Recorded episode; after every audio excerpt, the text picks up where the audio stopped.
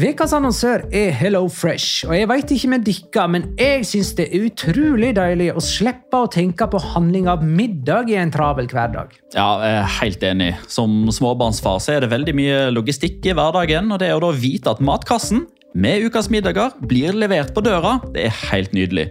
Da slipper du impulskjøp på butikken når blodsukkeret er lavt, og når du kommer hjem, kan du bare ta ut posen med dagens ingredienser fra kjøleskapet og sette i gang matlaginga.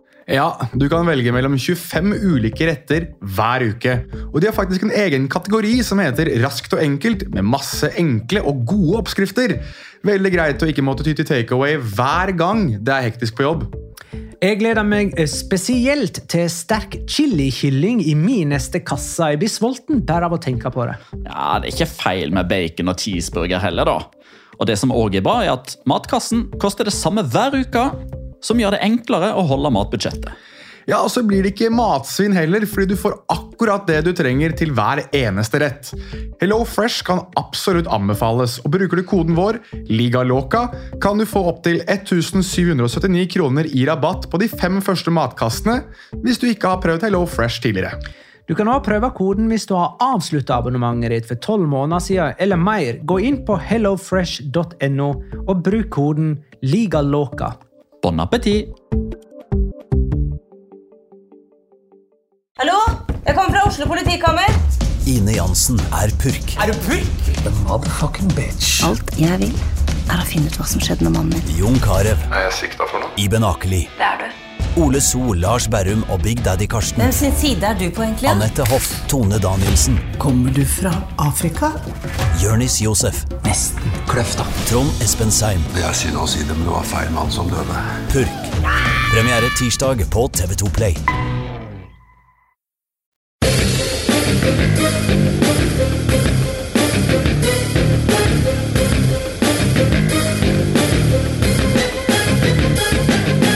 Har du sett?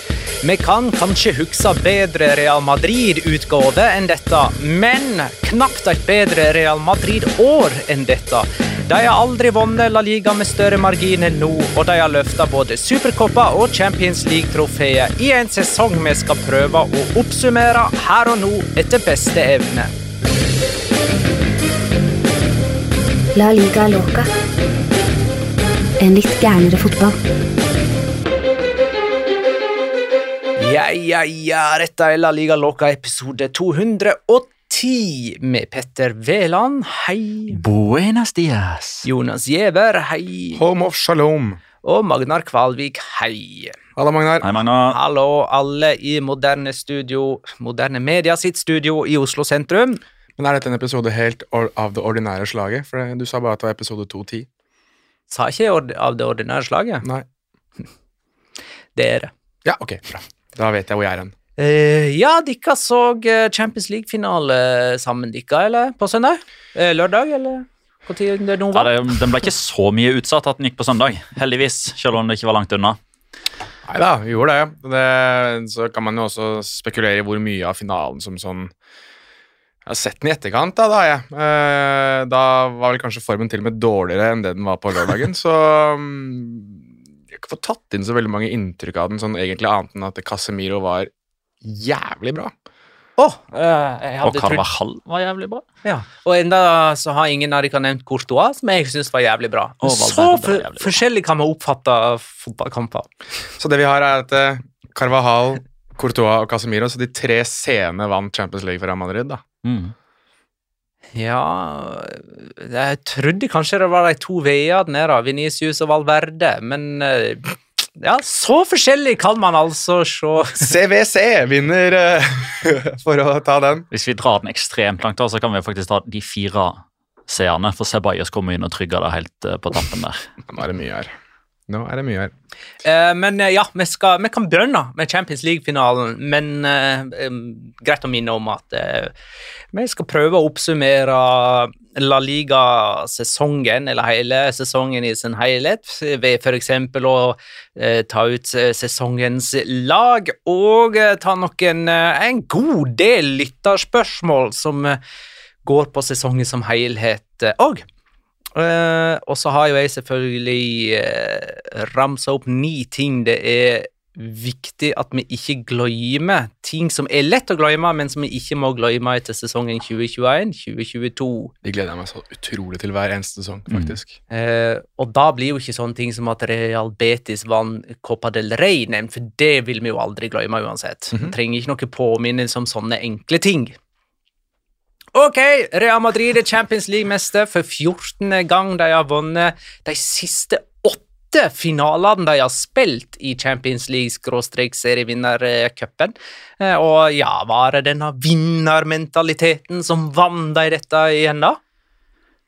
Det, og så Det er sånn uttrykk som har gått igjen her nå, siden Altså, det, det begynte vel sånn i tidraget på lørdagskvelden der, og så ble det gjentatt og gjentatt og gjentatt, eh, og nå tror jeg enhver fotballmann, fotballkvinne, har sagt det. Det er lov å ha god keeper. Ja.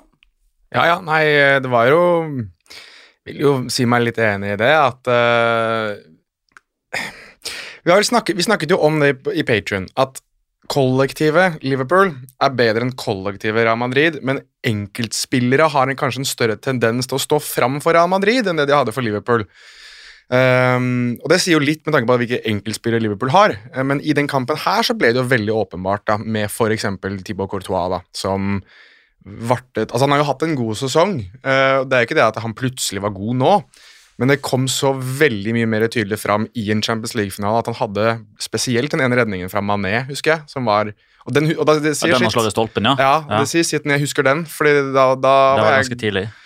Ja, for så vidt, det var det. Jeg har gått ned i glasset da òg, tror jeg. Men, øh, men ja, nei, jeg husker den veldig godt. Og, Jeg husker den fra Sala best i andre omgangen, når han slår den utenfor lengste stolpe der. Ja, der òg, ja. På, Mm. ja. Nei, jeg syns øh, Altså, ja, enkeltstjerne til Real Madrid vinner den kampen, den kampen her, og så synes jeg at Angelotti vinner den med den genistreken med å sette Valverde og Carvajal. Og jeg har sett det flere ganger, og det funker hver gang. Så å si hver gang i store kamper. Det å e- egentlig bare låse den ene siden med Carvajal og Valverde som løper og løper og løper og løper. og løper. Nøytraliserte Liverpools venstreside helt.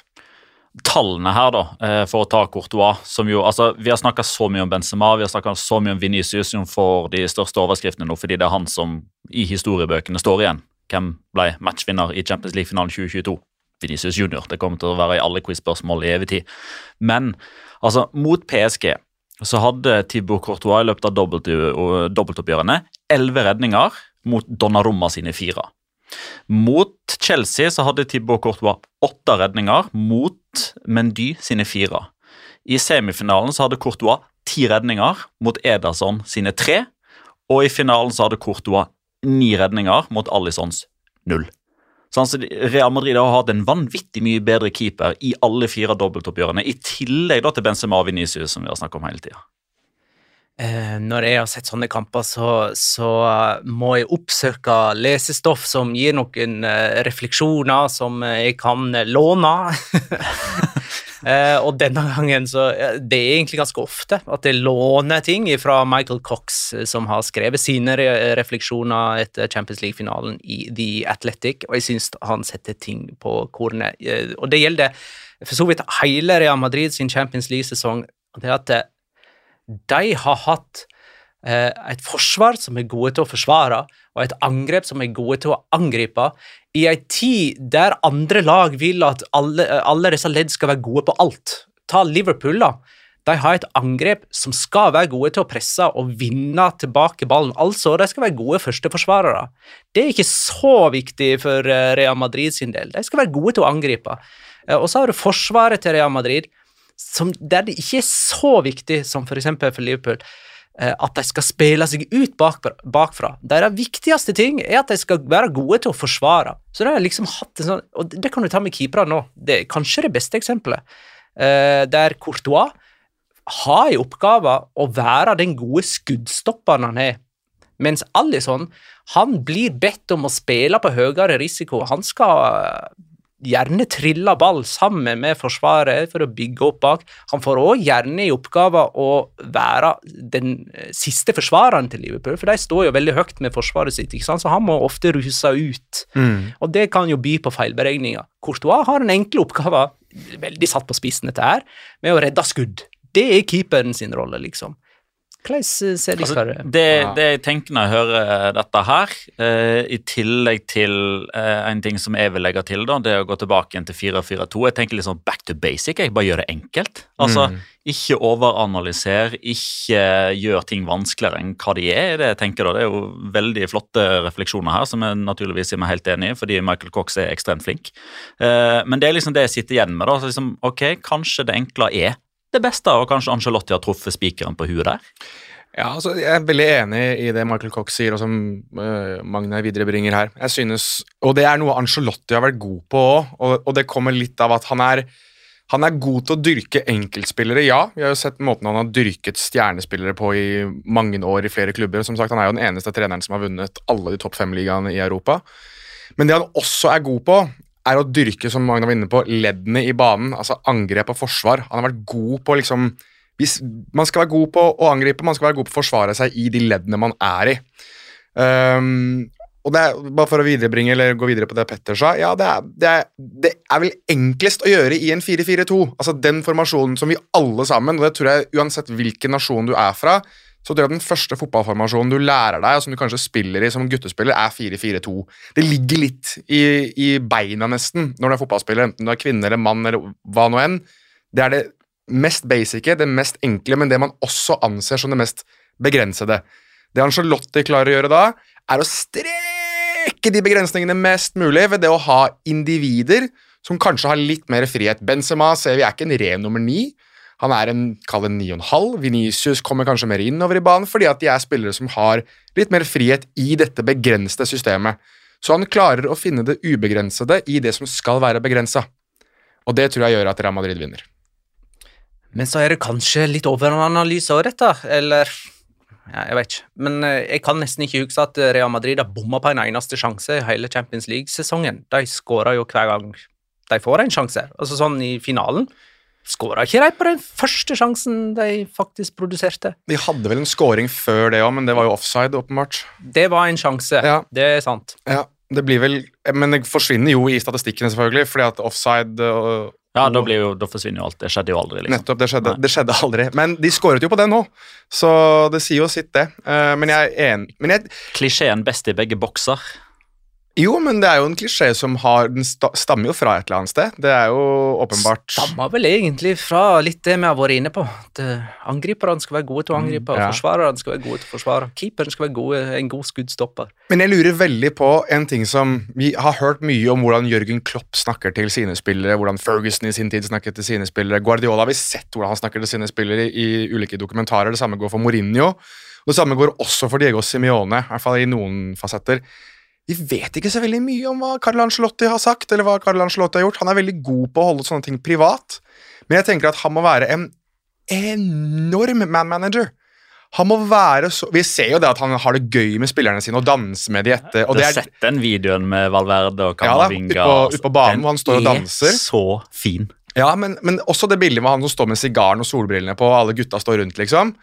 Altså, Jeg får bare en feeling av at Carlo Ancelotti gjør et eller annet som gjør at disse spillerne tenker at dette her er en type jeg vil løpe gjennom en vegg for.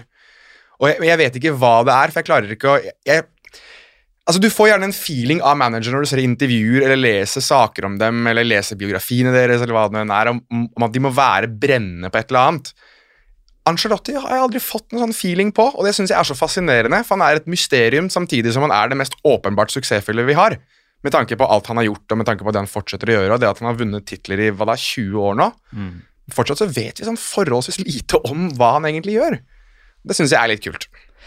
Um, du var inne på dette offside-målet. Fredrik Luigi lurer på om vi kan forklare offsiden i den annullerte skåringen. Nei, Jeg husker den ikke, så Petter, du kan ta det. Nei, altså eh, de, de konkluderer jo da med at dette eh, ikke er en spilt ball. Mm. Ja, Eh, det er vel det som er liksom, fagbegrepet som har blitt brukt og oversatt. Um, Det vil i korte trekk si at det er Valverde som spiller ballen, via Fabinho som ikke spiller ballen. ja. Ja. Eh, og at det da er en blokkering, og at det ikke er en eh, Kan jeg bruke ordet Det er ikke en villa handling. Eh, og jeg ser at det er veldig mange som har både sammenligna og, og stussa litt over hva som er forskjellen på denne og den som alltid blir trukket fram, som kanskje er den si, første store sånn Er ikke dette offside-varianten med Kylian Mbappé og Erik Gazia i Nations League-finalen, var det vel? Der Erik Gazia da strekker seg etter en ball og skyver den videre. Eh, åpenbart typ med vilje, ergo spilt ball, ny situasjon, ikke offside. Men her så tolker man det sånn at Fabinho går utelukkende inn der for å blokkere, for å takle, ikke for å eh, håper jeg, sentre ballen videre, hvis dere skjønner. Eh, så derfor endte man på at eh, den skåringa da var annullert for offside. Men den eh, regelen som gjorde at det ikke var offside i Erik Garcia-situasjonen, er ikke den under eh, revurdering? Jeg syns eh, nesten alt er under revurdering. Jeg, og så kommer vi snart til 30. juni, og da blir det 1. juli dagen etterpå. Da er det noen nye retningslinjer og noen nye ting som skal slås ned på, som ikke blir slått ned på. Vi gratulerer Karim Benzema, Luka Modric, Dani Carvajal, Marcelo og Gareth Bale med sine femte Champions League-titler sånn individuelt. Det er ganske sterkt. Og så er det to der som på en måte Det skurrer litt, kanskje, med Marcelo og Bale. Marcelo er jo ferdig og var ikke med i- finalen, vel? Han spilte ikke, sant? Nei. Men enda mer skurrer det selvfølgelig med Gareth Bale. Ja, jeg, men jeg syns det er litt Marcelo sånn har vel faktisk spilt i Champions League eh, i større grad. ja, Bale har vel, har vel blitt byttet inn, vel, i hvert fall en eller to ganger. Ja, han- Denne sesongen her så har Bale spilt sju minutter, vel. To seine innhopp. Eh, ett mot PSG og ett mot Chelsea. Sju minutter, det er nok til å vinne Champions League. Marcelo har hatt tre innhopp. Isco har ikke spilt et eneste minutt. Så han vant ikke Champions League, Han han? vant ikke Champions League denne sesongen. Det gjorde Miguel Gutierrez og Antonio Blanco. Og Mariano Diaz fikk ett innhopp. Men får du ikke. Gjør du, det, Nei, hvis du, hvis du ikke har spilt et eneste minutt, så får du ikke. er du sikker på det? 100% For jeg husker at det var en sånn greie med at man eh, ga eh, laget, eller altså troppen man, De fikk et visst Altså, antall. du, du kan godt få en medalje. Medalje. Det kan du hvis eh, klubben din mener at du fortjener medaljen, men i Uefa sine registre så står du ikke oppført som vinner hvis du har null spilte minutter i turneringa. Det visste jeg ikke. Men ja, ok. Jeg husker bare veldig godt uh, fra 2012 da Jamal Blackman, tredjekeeperen til Chelsea, løp rundt og viste fram uh, medaljen sin. og Jeg skjønte ikke helt hvordan det der var mulig, men ok. Nei, men da er det regler. Eh, da er vi vel egentlig ferdig med eh, godeste Champions League-finalen. Ja, eh, vi har ikke Locora denne gangen, Nei. eh, så derfor vil jeg ta noe som jeg da fortsatt mener er ganske lokorisk. Um, og det er jo denne statistikken som Altså, jeg har jo tweeta den sjøl, så jeg kunne jo vært uh, ganske egosentrisk og bare sagt at denne har jeg lagd sjøl. Men uh, Colin Miller kom med det poenget da at siden 2001 da Valencia tapte mot Bayern München og eh, Alaves tapte mot Liverpool. Etter det så har spanske lag spilt 17 finaler mot ikke-spanske lag. De har vunnet 17. De har vunnet 17 av 17 finaler mot lag fra andre nasjoner. Det er så vilt, det. Altså, det, er, altså, det høres kanskje ikke så veldig sjukt ut, men i kveld, kjære lytter, eller i morgen tidlig, eller når som helst, når du er ferdig med denne podkasten her, bare tenk over det. 17 ganger. 50-50. Kron mynt. 17 ganger. Hvor ofte klarer du det? Ja, imponerende. Og kan vi- gratulerer til Real Madrid da, og deres supportere. Absolutt. Absolutt. Da kan vi begynne med eh, sesongoppsummeringen vår, og der starter vi med tre av ni ting som er lett å glemme, men som vi ikke må glemme. 1.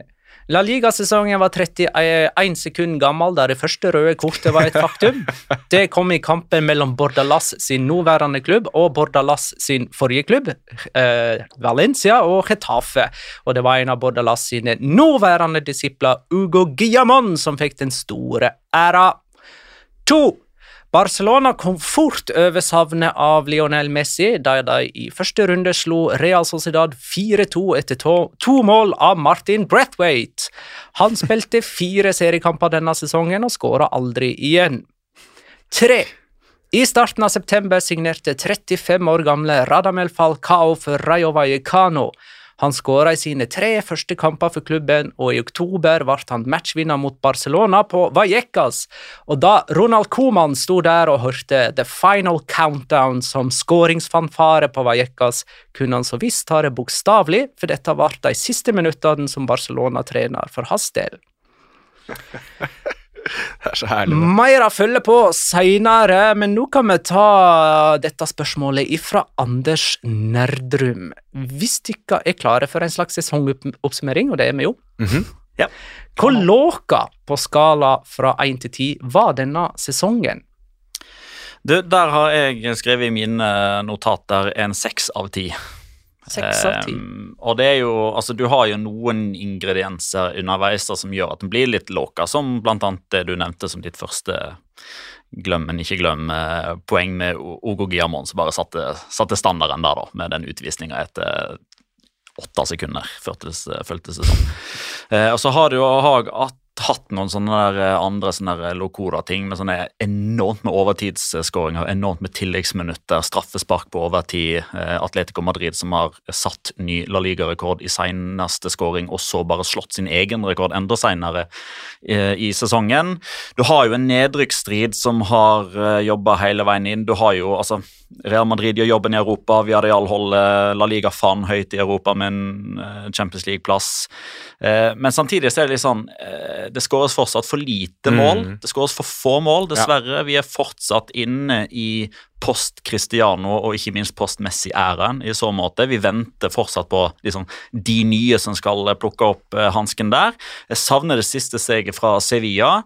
Eh, jeg savner mer moro rundt Valencia og Atletic. Eh, og det er litt for mange sånne grevlingtrenere som bare er fornøyd med 1-1 på bortebane. Ja, jeg er Seks av ti for min del.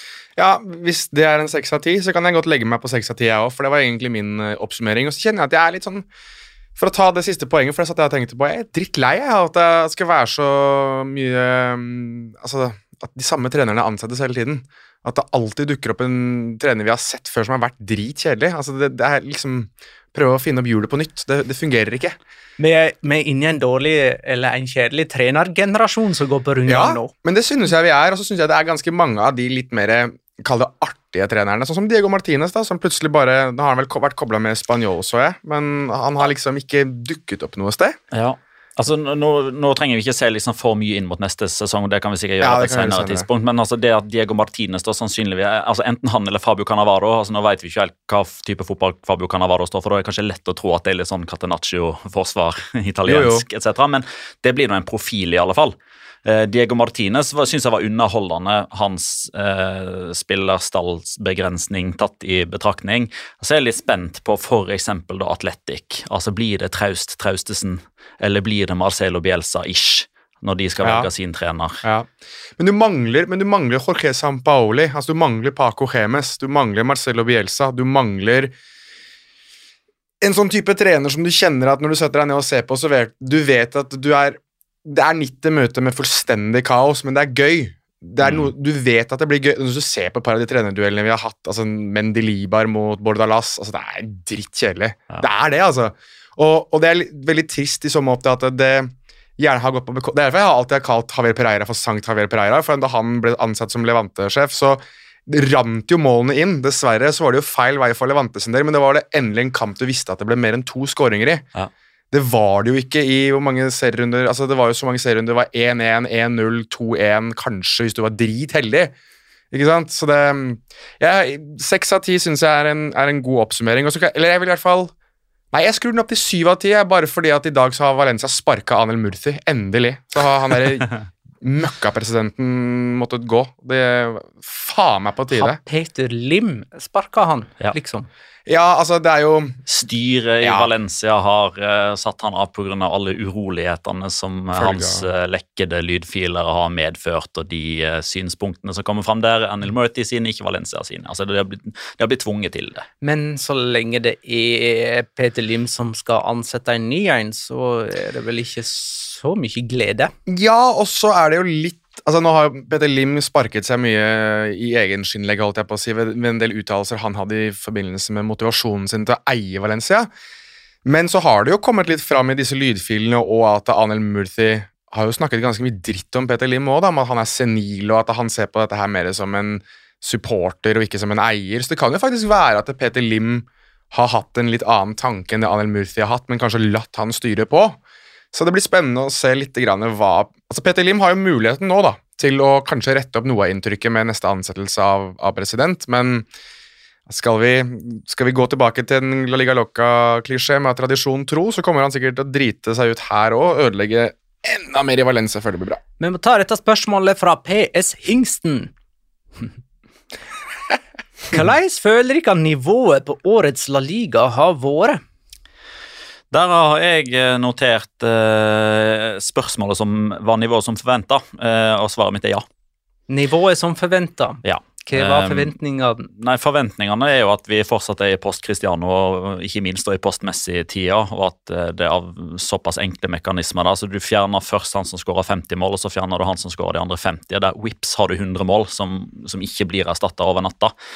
Jeg uh, syns det er dumt at det fortsatt er det laveste skåringssnittet i, uh, blant topp fem-ligaene. Jeg så jo òg nå at Uh, Oppda var det som la ut effektiv spilletid i snitt eh, etter en sesong nå for topp fem-ligaene. Og der er det egentlig litt Altså, ikke alt, alt er ikke snudd på hodet, det er det ikke. Men for skal vi si fem-seks år siden da, så hadde i alle fall første- og femteplassen bytta plass. Hadde i alle fall inntrykket mitt vært. fordi eh, da syns jeg at det var mye flyt i, i, i La Liga, og Premier League spesielt, og Bundesliga. Og så var det litt mer sånn stakkato i Serie A, så følte jeg at liga var et eneste stort fysisk frispark. Men nå er det liga som topper. Det er 56 minutter og 18 sekunder effektiv spilletid i snitt i en uh, kamp i toppdivisjonen i Frankrike. Premier League er nummer to med 55,07. Serie A er nummer tre med 54,40. Bundesliga er nummer fire med 54-27, og så er La Liga nederst med 53-21. Så det spilles altså i snitt tre minutter mer fotball i Frankrike hver bidige kamp. Hver bidige kamp så spilles det tre minutter mer fotball i Frankrike enn i Spania. Gå ta noen andre statistikker hvis du har, hvis du har lyst til å ta noen sånne. Altså, Som med, går på nivået i La Liga? Ja, sammenlignet med en del andre. Jeg har en, jobber litt med en Twitter-tråd, bare for å se litt på nivåforskjellene og hvordan jeg tenker altså Nivå avhenger veldig av uh, underholdning òg. Altså, hvor spennende har det her egentlig vært? Um, og der synes jeg det er litt sånn Når du ser på topp, altså de to øverste lagene i La Liga sammenlignet med resten, og hvor lenge det egentlig var spennende, så er det jo litt sånn Real Madrid endte på 86 poeng, Barcelona ble nummer to med 73, altså 13 poengs forskjell. I Premier League så var det og det, Bare for å ha sagt mm. det, og det er jo egentlig uten at Real Madrid tar særlig mye. altså 86 poeng, som du sier, det er ikke så veldig mye for en eh, serievinner. Og likevel 13 poeng framfor nummer to. Interessant at du sier 86 poeng er også det PSG fikk. 86 er også det Milan fikk som seriemestere. Eh, I Bayern fikk jo 77, men de spiller åpenbart fire serierunder mindre enn det man gjør i de andre ligaene. Eh, de spiller 34, man spiller 38 i de andre. I England så hadde du Manchester City med 93 poeng, Liverpool med 91. Så hvis du bare tenker at uh, de to hadde spilt i La Liga, sånn sett, så hadde de jo vunnet ligaen over Real Madrid i forhold til hvor mange poeng de tar.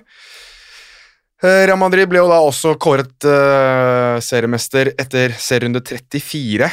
Det er det samme som PSG også ble, og de spiller jo da like mange. Bayern ble etter serierunde 31, altså 31 av 34. Både Milan og Manchester City ble match, eller ble ligamestere på siste dag, altså den 38. serierunden. Bare for å ta det veldig kjapt òg, det som Petter var inne på, der er det noe mer spennende, er jo nedrykksbataljen i Spania. For der hadde du Levante som rykket ned match, matchday 36. Alaves 37 og Granada 38, så det var liksom de siste tre rundene så var det lag som rykket ned. I Premier League så hadde Norge rykket ned til 35 av 38, Watford 36 og Burnley på siste. Så det er liksom de eneste som er sammenlignbart der, er for så vidt i Italia, der Venezia og, og Genoa rykket ned nest siste, og Cagliari rykket ned den siste. Men er ikke råd litt om eh, Hvis man skal liksom se på disse uh, spanske storlagene, og hvor hen de er som med, mm, Hvor hen de er versus hvor hen de ønsker å være. Altså sånn Ta Real Madrid. Resultatmessig så er vel de egentlig der de ønsker å være. Med Champions League og La Liga-triumf. Det blir stort, kan nesten ikke bli bedre. Men med, med klubbdriften så er de jo egentlig ikke helt der de å være, de heller. For de skulle jo helst hatt en Galactico eh, inn nå. Eh, og, og gå litt en usikker tid i møte med aldrende spillere som Ja, ja, ja jeg skjønner definitivt hvor du vil hen. Eh, men da ville jeg i alle fall bare lagt inn en liten sånn uh, Asterix, da. Eh, med at det er jo ikke fordi de ikke kan. Altså, de, altså Klubbdriftsmessig de er jo ekstremt godt drevet.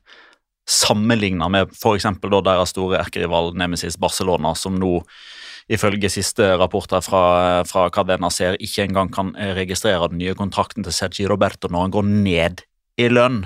Mhm. Så ille står det til der, til tross for Spotify-avtale. Uh, Goldman Sachs. ja, den er ikke signert ennå, Den blir jo det nå snart. Ja, men ja, da Ja, ja. endrer ting seg. Ja, Mm, ja, mm. ja. Eh, Men så har du Barcelona, som ikke er der de ønsker å være, verken klubbdriftsmessig eller resultatmessig. Og så har du Atletico Madrid, som jeg egentlig ikke veit hvor hen ønsker å være klubbdriftsmessig, men de er nå ikke der de ønsker å være resultatmessig. Du har Sevilla, som kanskje ønsker, er der de ønsker å være, på begge plan. Eh, kanskje litt lavere resultatmessig enn de skulle ønske, men de går jo nå inn i en sommer der det er nesten sånn tilbake til eh, der de en gang var og ikke ønsket å være. For det at nå har de på en måte klart å holde på profilene sine lenge nok til å la de få lov til å gå. Ja, men vet du hva? Og, og det indikerer jo at de faktisk ikke er der de ønsker å være. fordi en av årsakene til at de er nødt til å selge Diego Carlos og eller Jules Condé nå, i tillegg til disse typ lovnadene, er jo at de røyk så jævla tidlig ut av Champions League og Europa League. Det er jo fordi Ja, de ikke har gjort det godt nok. Og så, Nå vet jeg at Valencia er på en måte avskrevet i storklubbsammenheng, men de, de er jo blant Spanias største klubber og er langt fra der de ønsker å være, både klubbdriftsmessig og resultatmessig. Eh, så du har en del storklubber i Spania som er langt under der man kan egentlig forvente å ha dem. Jeg er helt enig. Jeg er veldig nysgjerrig på Vi snakker jo mye om den, og Petter har en veldig veldig god video på dette inne i Patreon, altså La Der finner du eh, videoen på CWC-avtalen som vi refererer veldig mye tilbake til, og hva den betyr. Den blir det jo spennende å se ringvirkningene av når den begynner å tre i kraft, når veldig mange av disse klubbene får inn mer penger og kan bygge infrastruktur og kan potensielt sett investere mer i denne da klubbdriften. Ikke nødvendigvis bare kjøpe masse spillere, for det er ikke det disse pengene er ment til, men det er til å bedrive klubbdrift som kanskje på sikt frigir mer penger til det å kunne tilby spillere som f.eks. Julius Condé og Dio Carlos, kanskje lønnsøkninger som ville gjort at de hadde blitt værende i i Sevilla. altså Gonzalo Geders er koblet vekk fra Valencia, samme går for han, Carlos Soler, Gaia osv. I, også i Valencia, som sikkert også hadde kunnet bli værende hvis det hadde vært en sånn avtale på plass akkurat nå. Det er det jo ikke, men det blir veldig veldig spennende å se. Um, La Liga kommer nok aldri til å klare å ta opp den økonomiske kampen med Premier League slik verden er i dag, og spesielt ikke nå som både Haaland og Mbappé har valgt å gå andre steder, som ikke gjør at ligaen blir noe særlig mer markedsverdig, hvis en kan kalle det for det. Um, men det blir spennende å se om de med litt mer insentiv og litt mer økonomisk kraft faktisk kan begynne å sakte, men sikkert kravle seg opp og være der oppe i Nå er jo åpenbart Real Madrid eh, europeiske mestere, men at de er kontinuerlig i finaler, slik vi har sett at det engelske laget har vært nå i ganske lang tid. Og så er det jo litt sånn Jeg, jeg, må, jeg må bare flire litt av det. Altså, man, man har jo hørt at liksom, ja, storhetstida til La Liga er over. Og ja, det er den. Ja, men de vant uh, stortrofé i 2018, 2020, 2021 og 2022. Så liksom, uansett hvor dårlig det blir, uansett hvor dårlig man blir fortalt at det er stilt, så er det fortsatt så vanvittig bra. Ja, men jeg, kan vi, får jeg lov til å dra parallellen med at uh, spanske lag i europeiske turneringer er litt som Tyskland i VM? Altså, de, de, går, de går minimum til kvart semi hver gang, og så vinner de innimellom òg. Eller spanske lag i, i, klubbturneringer så er det jo for så vidt de vinner jo mer enn det Tyskland gjør. Men det er liksom litt sånn, du vet at i alle mesterskap så Tyskland går alltid langt. Som regel, i hvert fall. Og spanske lag går som regel alltid langt, de òg. Unntaket er et uår. Så sjøl i dårlige år så kan man regne med spanske lag. Det var ikke så veldig bra i Europaligaen, til og med Barcelona ryker ut. uh, På bortebane to ganger, da. Ja.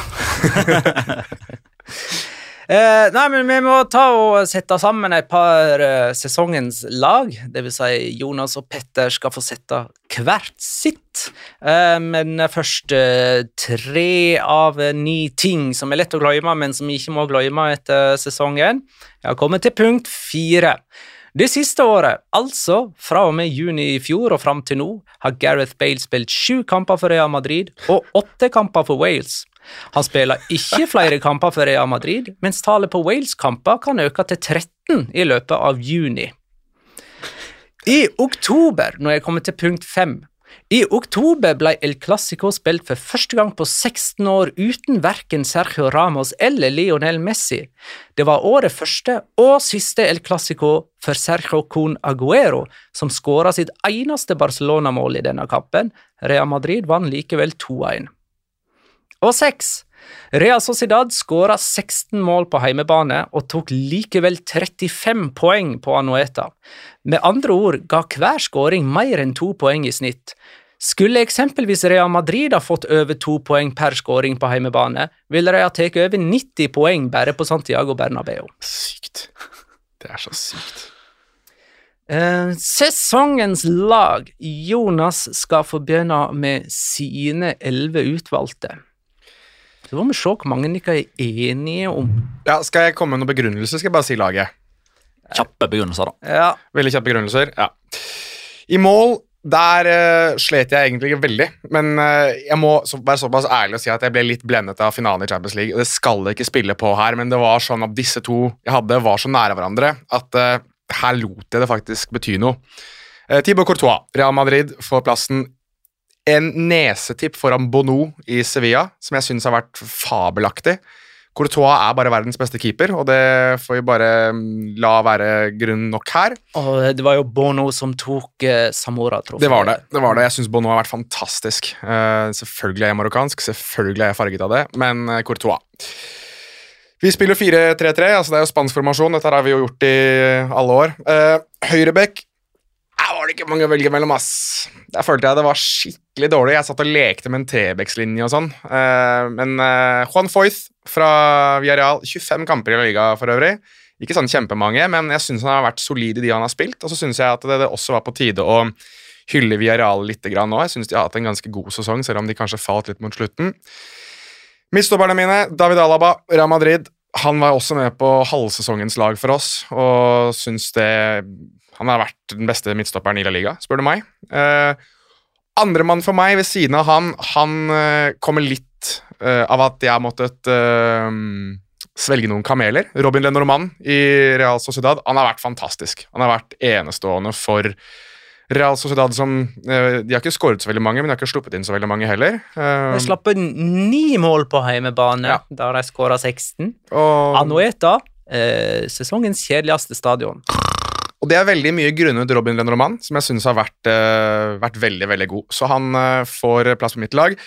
Alex Moreno, venstrebekk, Real Betis, uh, syns at han har et enormt toppnivå, men så syns jeg han ofte faller igjennom. Uh, det samme går for Marcos Acuña i Sevilla, som var han jeg lekte med å ha ved siden av. Jeg syns Marcos Acuña er mye mer solid defensivt, men jeg liker litt mer moro, så Moreno kommer inn for, eh, for min del.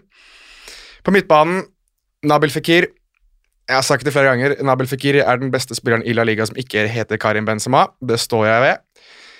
Sergio Canales ved siden av ham. Altså, en maestro av uh, en midtbanespiller. Helt vanvittig, og jeg syns det er så gøy at en type som ham, som har slitt så mye med skader og hatt så mye problemer, og som egentlig har gått litt fra klubb til klubb og altså vært innom Valencia, vært innom Real Sociedad, fikk det ikke helt til å stemme i Real Madrid etter at han var eh, ungdomsstjerne i Racing Santander. Syns det er gøy at eh, Manuel Pellegrini har fått, eh, fått han ordentlig ordentlig i gang. Og hvis Isco også går dit, å herregud for et lag det kommer til å være å følge med på da. Sistemann er Jeg slet litt med den her, altså.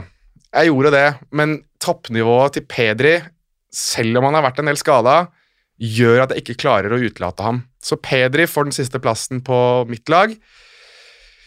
Eh, De tre foran, Vinicius Junior, Karim Benzema det, Vi trenger ikke å si så mye mer. Altså, de, de er selvskrevne. Ja. Og den siste, da Og det siste er Jago Aspas, og det er faen meg imponerende at Jago Aspas klarer å bite seg inn på disse lagene her gang etter gang etter gang etter gang. Han har ikke måttet bedrive noen sånn kjemperedningsaksjon denne sesongen, for jeg syns Celta Vigo har vært litt sånn quietly brilliant litt innimellom. Eh, selvfølgelig så har det vært litt sånn quietly shit også, eh, men for en klubb som de kunne gått virkelig shit for når f.eks. Santimina-saken begynte å rulle og gå, og de hadde problemer med Dennis Suárez eh, og Carlos Mourinho, deres president, som å si utlovet fatwa mot alle som var klienter av dette selskapet jeg ikke husker navnet på. Så har de klart å styre seg inn til en ganske god sesong, og Jago Aspas har vært deres beste spiller. og er vel den, Han ble vel, eh, endte vel bare bak Benzema, så han er jo, vinner jo da også Sarra-trofeet. Så mm, Jago Aspas får min sisteplass, så det er mitt lag. Petters sin elver høres sånn ut. Vi har sju like, Mm. og der kan jeg egentlig bare stille meg bak eh, Mm. Jeg har Thibaut Courtois i mål. Jeg har Juan Foyth i mangel på noe bedre på høyre back. Jeg har Robin Lenormand og David Alaba på, eh, på stoppeplass. Eh, og så valgte jeg Marco Sacunia.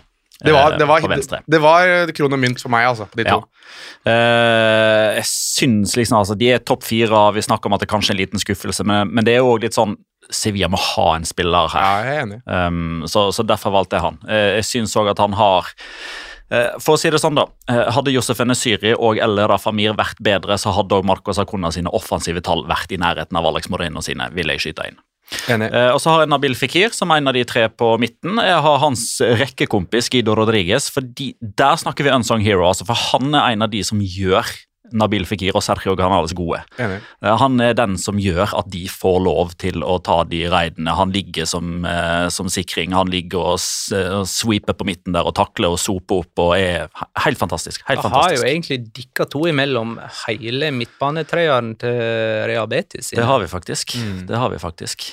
Eh, og så har jeg valgt Miquel Merino som eh, sistemann på midten der. Han er faktisk den spilleren i La Liga som har vunnet flest hodedueller. Eh, og da ble jeg litt sånn sjokkert. Ja, han er det. For jeg var sikker på at det, det må jo være enten Vedat Morici, han spilte riktignok bare en halv sesong, men allikevel, eller Joselo. Eh, men Så han, han er men han, han går bare i dueller med sånn Bonanotte og sånt. Da. Ja, ikke sant? Han velger bare de som er 1,70. Pablo Piatti og sånn. Ja, Iker Monjain får kjørt seg i duellene i Baska Derby. Eh, nei, men I tillegg da, så har han en slepen venstrefot, han løper utrettelig. Eh, han gjør alle rundt seg bedre. Eh, sånn sånn totalvurdering på Miquel Ja. Medino der. Vurderte var han mot Canale som min del. Eh, og så har jeg Karim Benzema eh, og Venicius Junior, naturligvis. Og så valgte jeg han som delte Sarra-trofeet med Jago Aspas. Og det er egentlig litt sånn, fordi jeg syns det er eh, Altså, alle kjenner til min eh, mitt behov for daglig elskov med eller for Jago Aspas. Men Raúl de er dot T dot eh, og skåra i 17 forskjellige kamper for Español. Fytti kriksen, det er en sterk prestasjon. altså. Jeg stoppet litt på at alle kjenner til mitt behov for elskov med Jago Aspas, som du sa der. Ja, så Eh, korrigerte meg til mot, for jeg er jo aldri i nærheten av han. ja, ja, nei, jeg bare syns det var er det. Ja, ja, fascinerende sagt. Jeg savna savner jo for så vidt Luka Modric her. Er det en grunn til at ingen har han med? Jeg, jeg tenker fordi det, han, har, han har vært så mye mer outstanding shining i Champions League.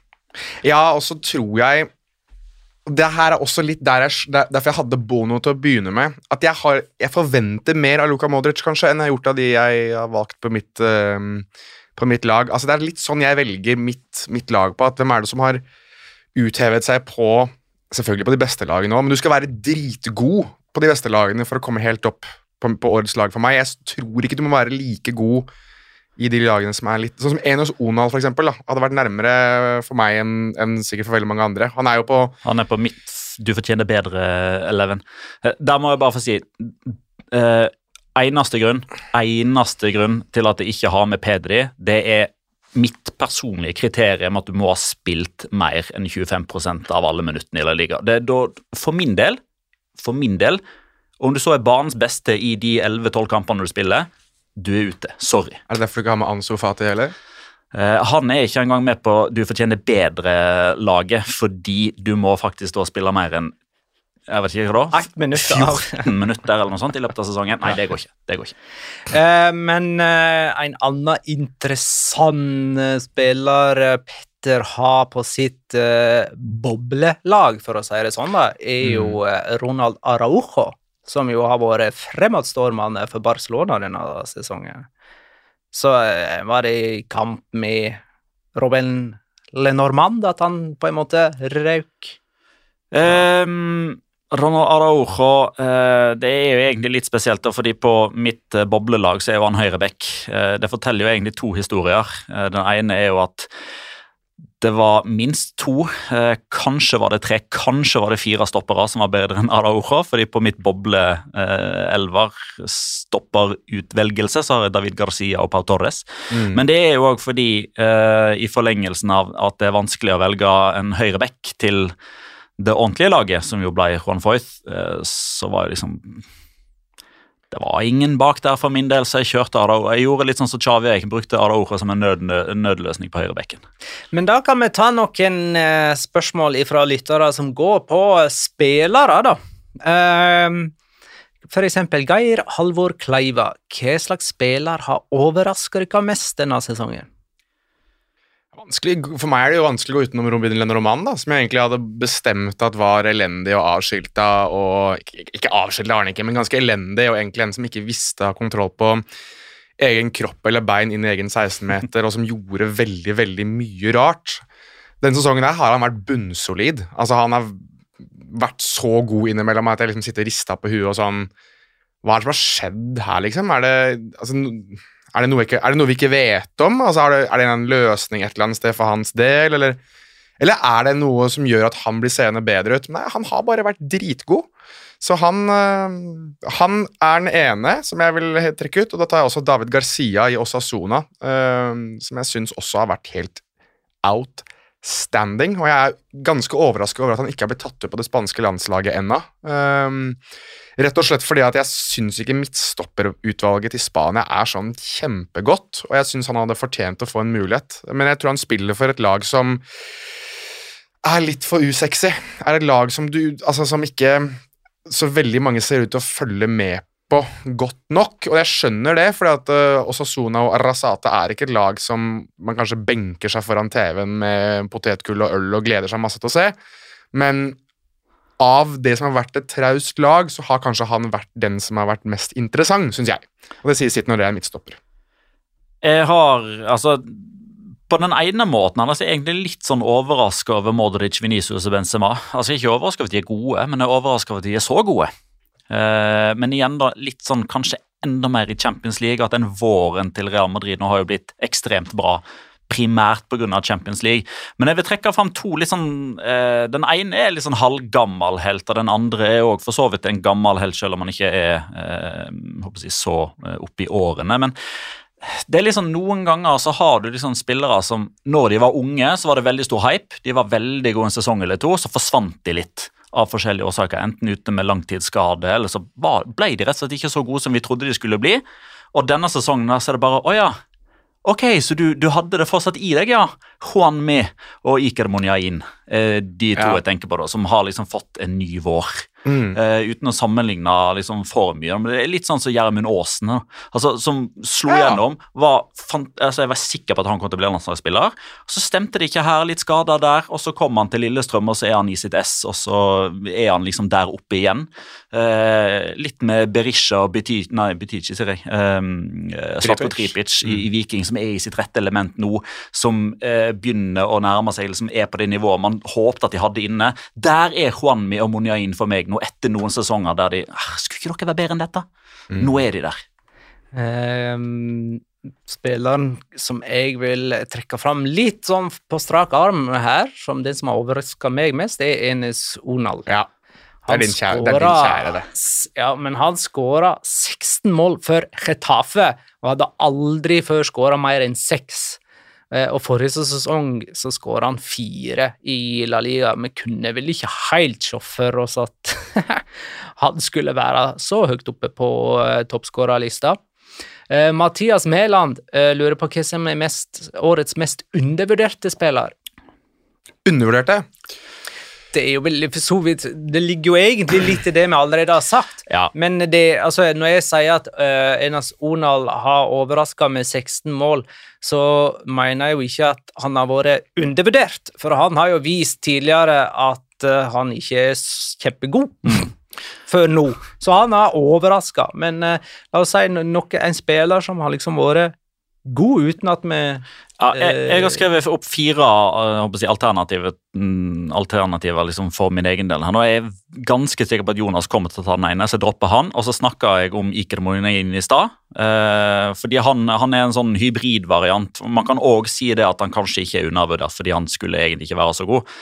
Eh, men det er liksom sånn, alle snakker om Iker Moinin som altså, de trodde han skulle til Liverpool eller Bayern München eller noe sånt når han var 23-24, og så bare ble han værende, og så alle glemte han. Eh, og så er det liksom hver gang de ser Iker Moinin, og så tenker de sånn at han skulle vært mye bedre, men akkurat denne sesongen her så har han jo vært jævlig god. Eh, og Jago Aspas alltid konstant undervurdert pga. den fuckings corneren. Og José Luis Morales. Han får ikke i nærheten av nok eh, creds. Var det han jeg trodde, du trodde jeg skulle si? Nei, det er fjerdemann som ikke har sagt det ennå, for jeg tipper du tar han. Nei, jeg vurderte Morales, faktisk. Men jeg har, jeg har en annen som jeg ikke tror du kommer til å ta. Men du, så du må ta han, du. Ok, nei, altså, eh, altså I og med at du da regner Nabil Fikir som La Ligas nest beste spiller, det Mm. gjør jo ikke andre. Så da, i mine øyne så er jo han da undervurdert. I dine øyne. Ja, nettopp. Nei, men eh, altså Undervurdert så tenker jeg gjerne en spiller som ikke nevnes nok, og, og Fikir nevnes jo altså De som hører på disse episodene her, har jo hørt hans navn bli nevnt nok ganger. Ja. Men en som jeg i hvert fall ikke tenkte noe særlig på før sesongen, og tror jeg ingen andre gjorde heller, fordi han var, det var ikke ment han skulle spille, og nå har han jo blitt sitt lags førstevalg i denne posisjonen. Spørs det hvor lenge han blir, da, men Giorgio, Giorgi eh, Mamardashvili ja. i Valencia, som kom som en lånespiller fra Dynamo Tbilisi, og har liksom, eller Tbilisi, har ikke klarer engang å si navnet hans eller navnet på klubben hans. Det sier jo sitt om hvor undervurdert han er. Men han har jo vist seg som en monsterkeeper. Altså Greit nok, han har, sine, han har sine feil, og det er ikke så godt spill med ballen i beina, men noen av de redningene han har vært opp med, og det, hvor mye kontroll han har når motstander har, har corner osv., har jeg ikke sett på mange, mange år. Altså det, er, det er sånn old school keeper som har fått lov til å spille i 2022, bare kontrollerer sin egen boks.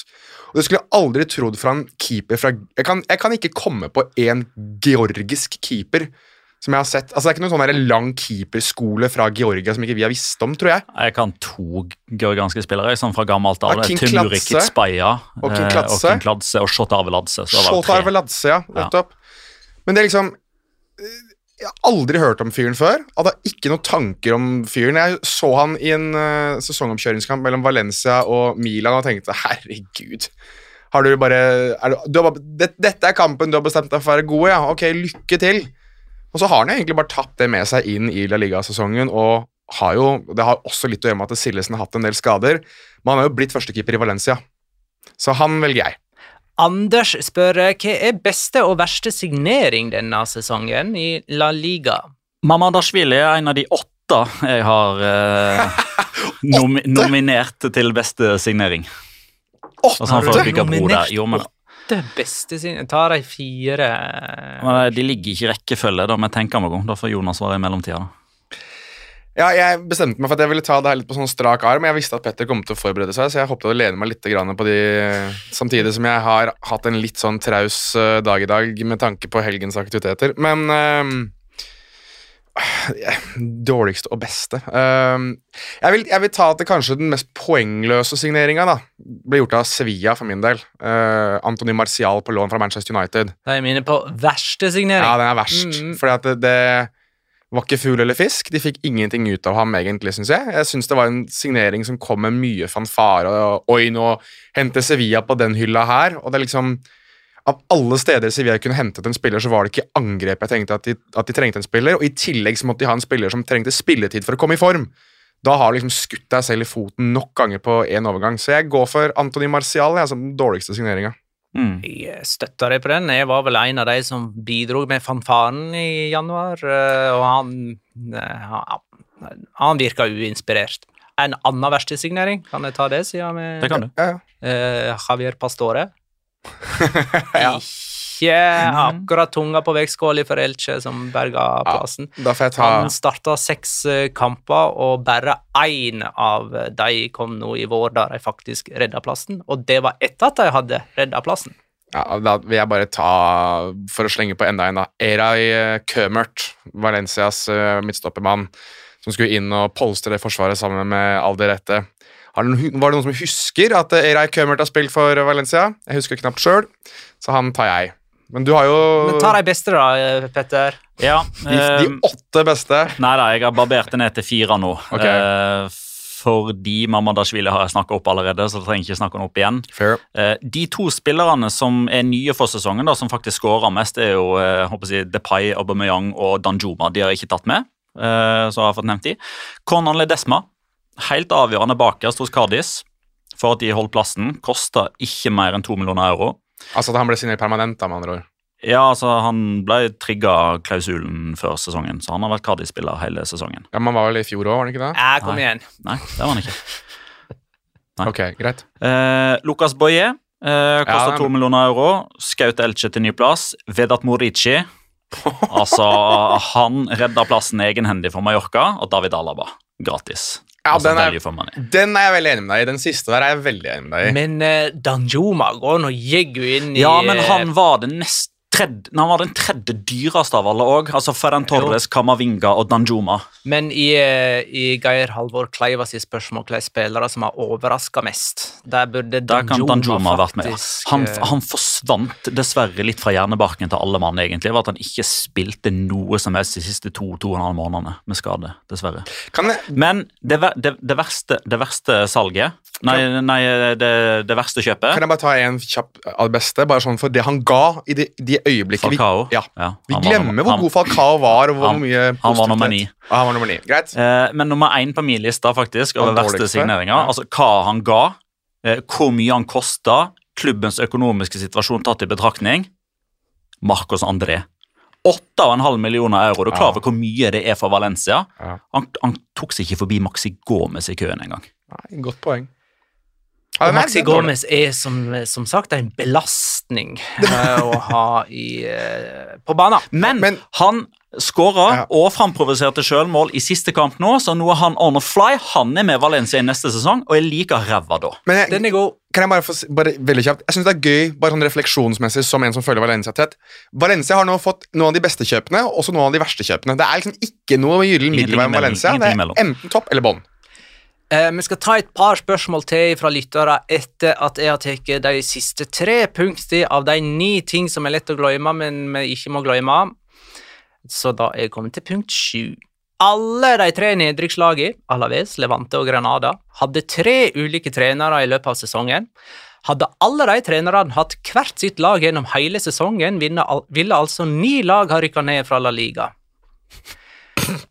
Åtte søren. Eh, Levante satte ny rekord med 27 strake La Liga-kamper uten seier. Føler det er verdt å nevne, selv om den kanskje ikke blir glemt eh, med det første. Og ni. Karim Benzema skåra hat trick i to Champions League-kamper på rad. Først i åttedelsfinalen mot PSG, så i kvartfinale mot Chelsea. Det første målet i PSG-kampen kom der det gjensto en liten halvtime, og det siste målet i Chelsea-kampen kom i det 46. minutt. Det vil si at de seks målene kom i løpet av 75 minutter med Champions League-fotball. Akkurat det aspektet eh, må Nei, faktisk ikke glemmes. Kristoffer Eh, Kristoffer Fikseth, hva må de tre store gjøre for å vinne til neste år? Veldig kort og greit da. Barcelona må holde Ansu Fati og Pedri skadefrie. Real Madrid må bare fortsette å gjøre sånn som de har gjort nå. Og Atletico Madrid må finne seg sjøl, enten gjelden eller på nytt. Jeg syns det var uh, veldig godt oppsummert, jeg. Ja, eh, Real Madrid må det, det, det jeg husker at de sleit før under Ancelotti, var jo det at de slet med å fornye seg. Altså Det ble samme oppskrift gang etter gang etter gang. Og Ancelotti fikk vel sparken til slutt i, i Real Madrid sist gang. Um, Men der føler jeg det er i ferd med å løsne litt nå. har det noe å gjøre med at det er Venicius og, og Rodrigo som liksom begynner å bli to av de mest fremadstormende i Valverde. Mm, At de er fornya i det at Ja. det er veldig mange nye unge som har Kamavinga, for eksempel, som fikk en veldig mye viktigere rolle mot Ja, definitivt. Og i forlengelse, altså, ja, Vinicius er jo på mange måter altså Han er jo ikke ny, men han er ny. Han framstår i en ny utgave. Alaba har kommet inn og er ny. Men jeg tenker meg det at eh, før så var liksom altså Real Madrid 11 kommende sesong kan godt hende at den starter og liksom er like eh, satt eh, som den vanligvis er. At når første serierunde kommer i midten av august, så er det ti pluss den som blir valgt på høyrekanten som starter. Det kan godt hende at det fortsatt er sånn, men jeg føler at Valverde er ganske mye nærmere nå. Jeg føler at Kamavinga banker på døra. Nacho presterer uansett hvor han blir satt. Jeg føler òg at både Rodrigo og har hatt en bedre vår enn høst. Jeg føler de er på gangen. Det kan godt hende at jeg er naiv og lar meg blende av at Eden Hazard står og lover at neste sesong så skal han gi alt. Eh, men jeg føler at det, det er ganske mange alternativer her nå, da. As opposed to alle de andre sesongene han har vært der, hvor han ikke har gitt alt. Godeste Eden Hazard. Chouameni, da, som kommer inn fra Monaco. Det ser ut til å skje. Det, han gleder jeg meg veldig hvis han kommer til Real Madrid. Nå har vi jo Rydiger kommer jo òg inn. Rydiger, ja. ja. Ja, vi får se.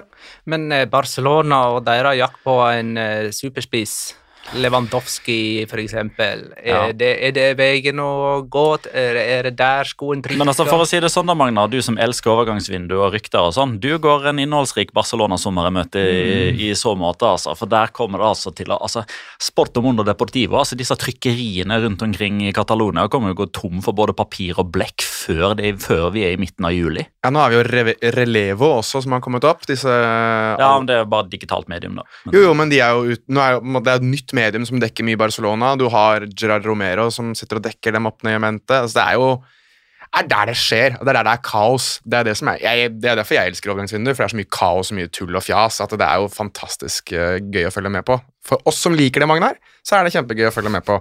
For eksempel i dag, altså mandag 30. mai, Lewandowski sitter og sier han er ferdig i Bayern München. Så det er bare rett ut. Jeg skal ikke tilbake dit. Og eh, Barcelona som samtidig da, ifølge det Petter også snakket om i stad, som har lest i hva er det, Cadena C eller Cadena Coppe, ser, ser.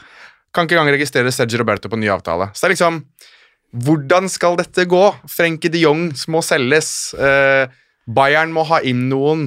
Gavi har ikke signert ny Gavi har ikke signert ny avtale. Altså, det er Greit, Nydelig. da bare Da ble det for mye overganger. Vi må videre.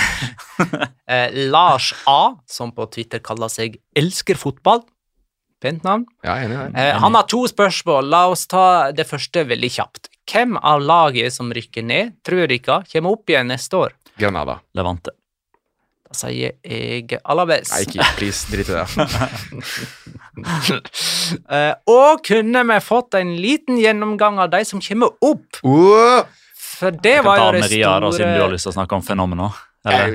For, akkurat her så Ja, for, jeg begge to. Ja, men for å si det sånn, da, de presidentene vi får opp, Det det er er jo, det jeg det er jo. Ronaldo Fenomeno i Valladolid og Turki El Sheikh i Almeria. Det er så Spesielt Turki El Sheikh gleder jeg meg så enormt til å følge med på. For han er jo et karneval. Altså Det er jo paradoksalt nok Ronaldo som kommer fra karnevalsland, men Turki al-Sheikh er jo hele karnevalet. Hvem er dette? Turki al-Sheikh er jo mannen som eier Almeria, og som ehm, på noen måter minner, minner i hvert fall meg litt grann om øh, åh, hva Hjelp meg nå, hva heter han for han som eide, eller eier vel Malaga ennå? Nei, han eier ikke de. Altani. Altani. Øh, han minner meg litt grann om ham, i hvert fall sånn som han var i starten. Da liksom Malaga skulle opp og utfordre, og dette her er neste store fotballmetropolen osv. Turki al-Sheikh er jo en som er veldig glad og veldig god på PR, og veldig glad i å få det til, til å virkelig svinge sånn mediemessig rundt lagene sine. Blant annet nå så var han jo på, han var jo på stadion selvfølgelig da, da de rykket opp nå, og han står altså i eh, direktørboksen helt framme med drakt, står og river seg i håret og hopper opp og ned når laget scorer, og løper ned når de har sikra plassen og feirer med spillerne. Altså, det, dette er en karakter, altså. Og han har jo da Det som kanskje ikke er like gøy med ham, er vel det at han har veldig tette bånd til Saudi-Arabia, og er vel en sånn special counsel til den uh, saudiarabiske kronprins som vel de facto er konge. uh, MBS. Uh. Han er jo òg en av de som har tatt uh, en klubb som han har eid eller vært president, og flytta eh, 40 mil. Pyramids i Egypt flytta flytta jo bare han til Kairo når han ville det. Det stemmer, han bytta vel også navnet på dem. Jeg tror ikke de het Pyramids før han kom og endret det. Uh, så han er jo ikke så veldig populær sånn egentlig, og han er visst ikke populær i Saudi-Arabia heller. Han er visst veldig sånn slitsom fyr som kaster seg på den nye, nyeste og beste trenden uh, og gjør det til sitt eget og skal være kan sikkert minne om en par andre mennesker jeg tenker, på, jeg tenker over akkurat nå. Så kan folk å reflektere hvem jeg tenker på. Uh, uansett så er han en fyr som kommer til å snakke mye i pressen, og som kommer til å være Jeg tipper han Hvis vi har lyst til å intervjue en uh, president i en La Liga-klubb neste sesong, hvis La Liga Loca har lyst til å gjøre det, så tror jeg han er den som er uh, best call. For han kommer til å være tilgjengelig. For uh, fenomenet Ronaldo styr på dette Valladolid-laget, da, det ikke, har ikke han hatt uh, vært president der nå i tre sesonger? Jo, han har det. Uh, det har jo vært opp- og nedturer, men det er litt sånn uh, Han har jo Han har ikke snakka så veldig ofte om det, men når han først tar seg tid til å sette seg ned med enten Valdano i det Universet Valdano osv., så, videre, så snakker han jo egentlig ganske fint om hvor lang tid det tar å bygge en klubb.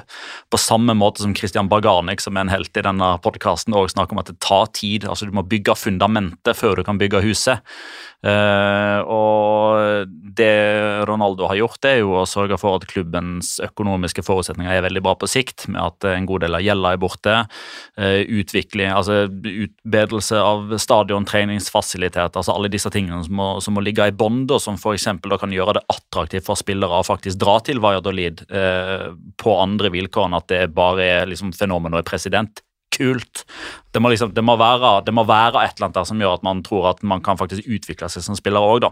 Og hans bånd til Real Madrid skal du ikke se bort ifra at For det har han jo fått spørsmål om mange ganger.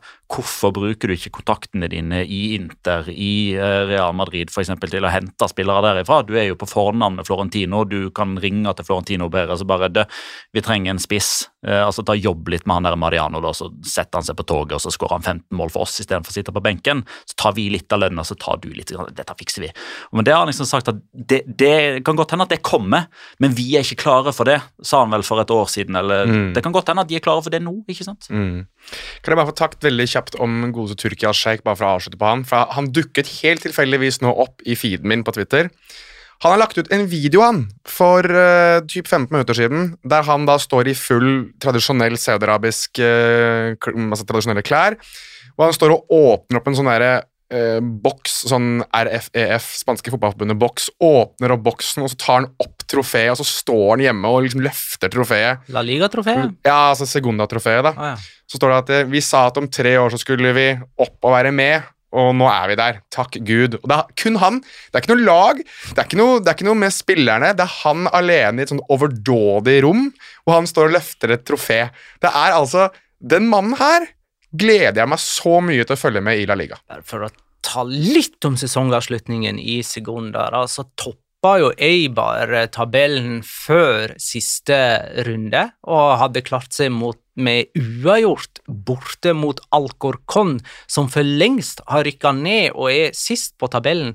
Men så klarte altså Alcorcon å skåre et seiersmål eh, på overtid. Noe som gjorde at både Almeria og Valladolid sneik seg forbi Eibar, som havna på tredjeplass og møter Girona i playoff. Den andre playoff-semifinalen står mellom øylaget Las Palmas og Tenerife. De avgjør dette seg imellom i løpet av juni måned. Jeg vet ikke om dere fikk det med dere, men Oviedo var jo veldig nære ved å ta seg til en playoff-plass. De feiret jo eh, etter å ha slått Ibiza. Eh, altså De skåret jo på Borja Baston, hadde en skåring på overtid osv. Men det var et annet resultat som, gikk, som ikke gikk i deres favør. Jeg husker ikke hvem det var. Det var Girona. Var det Girona-kampen der? Burgos-Girona. Hvis, hvis, Girona hadde tapt, så hadde Oviedo tatt sjetteplassen. Jeg tror, men jeg tror de ikke hadde fått med seg hva resultatet var der. For spillerne det, det, var jo det, det, samme som skjedde der, var det som skjedde på, uh, på Anfield. Med at uh, det, gikk sånn fake news, Aston Villa 3-3. Uh, det gikk et rykte på stadion om at Burgos hadde skåra. Ja, det hadde spillerne fått det med seg, for de feira jo for at de var i playoff. Ja. Og så, i feiringa, så ser du at det er én person som får beskjed om at nei, det, det er ikke blitt noen scoring der. Den eneste som fortsatte å juble, da var jo Borja Baston, som ble toppskårer. Pga. den straffeskåringa på overtid, sammen med Christian Stuani. Da, men da er vi ferdige! Dette var siste ordinære episode av denne sesongen. Hva vi gjør videre i sommer, det skal vi stikke ned på en tapasrestaurant og diskutere nå. Og så må vi si det, det skal vi, men jeg, da er det også viktig å bare si Det blir til ikke streama live på Patrion, bare så det er sagt. Nei, men vi har, nå har vi funnet en måte streaming kan kanskje Ja det til. faktisk. Men uansett, eh, hvis folk ønsker, det folk ønsker å se på Patron, det må de gjerne sende til oss på atlaligaloca på Twitter, Mm. eller så kan de donere på patron.com slash legaloca og legge igjen en kommentar om hva de ønsker å se. Da ser vi det enda klarere enn hvis det er på Twitter. Ok, Petter Wæland skal gjøre som straff for å ha tapt tippekonkurransen denne sesongen, vil vi òg gjerne ha tips om, og det må selvfølgelig være en veldig, veldig forsiktig straff, så ikke det går på helsa løs, sånn at det aldri blir gjennomført. Ja, Da ryker den eh, jeg potensielt har til, Petter. Og det skal heller ikke ødelegge en La Liga Loca-episode, sånn som eh, min straff gjorde. Ja, nei, eh, vi har for så vidt blitt enige om at den veldig veldig etterlengtede straffen jeg skal få Potensielt så gjør det meg til en singel mann, men eh, jeg skal jo da se første serierunde av kommende sesong i et pizzabaker uh, I en pizzabakeruniform. Men hva var ditt forslag, da? Snakket med noen som eh, Du ikke, bor ikke så langt unna Sarpsborg. Jeg snakket, snakket med noen om at du skal prøvespille for Sarpsborg 08. Ok. Eh, ordentlig prøvespilling. Eh, du skal gjennom det som er av løpetester og spilling og det som er. Det er ikke noe sånn halvveisprøvespill. Du skal da tas gjennom det en vanlig prøvespiller skal gjennom. Hvis jeg får det, hvis jeg får det gjennom. Det tror jeg at jeg får. Og hvis du er gira på å ta det som straff, så gjør vi det. Ja, jeg er Jeg med. skal være med og se på. Jeg er med. Hvis, eh, hvis vi får det med, så skal vi også få med uh, fotball-TV. Og så skal de filme deg som prøvespiller for um, Sarpsborg 08. Men det finner vi ut av. Ja, Det er én ting jeg nedlegger vet om, at jeg skal ikke gå i hodeduell med Bjørn Inge Utvik. Eh, da ønsker vi alle våre ordinære lyttere god sommer, og bli gjerne med på Patrion, for eh, vi har vel planer for innhold eh, der. Takk for at du lytta, kjære lytter. Ha det, da.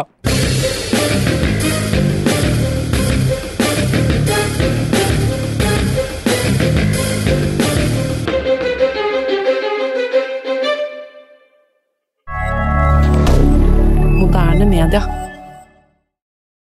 Har du et enkeltpersonforetak eller en liten bedrift? Da er du sikkert lei av å høre meg snakke om hvor enkelt det er med kvitteringer og bilag i fiken, så vi eh, gir oss her, vi. Fordi vi liker enkelt. Fiken superenkelt regnskap.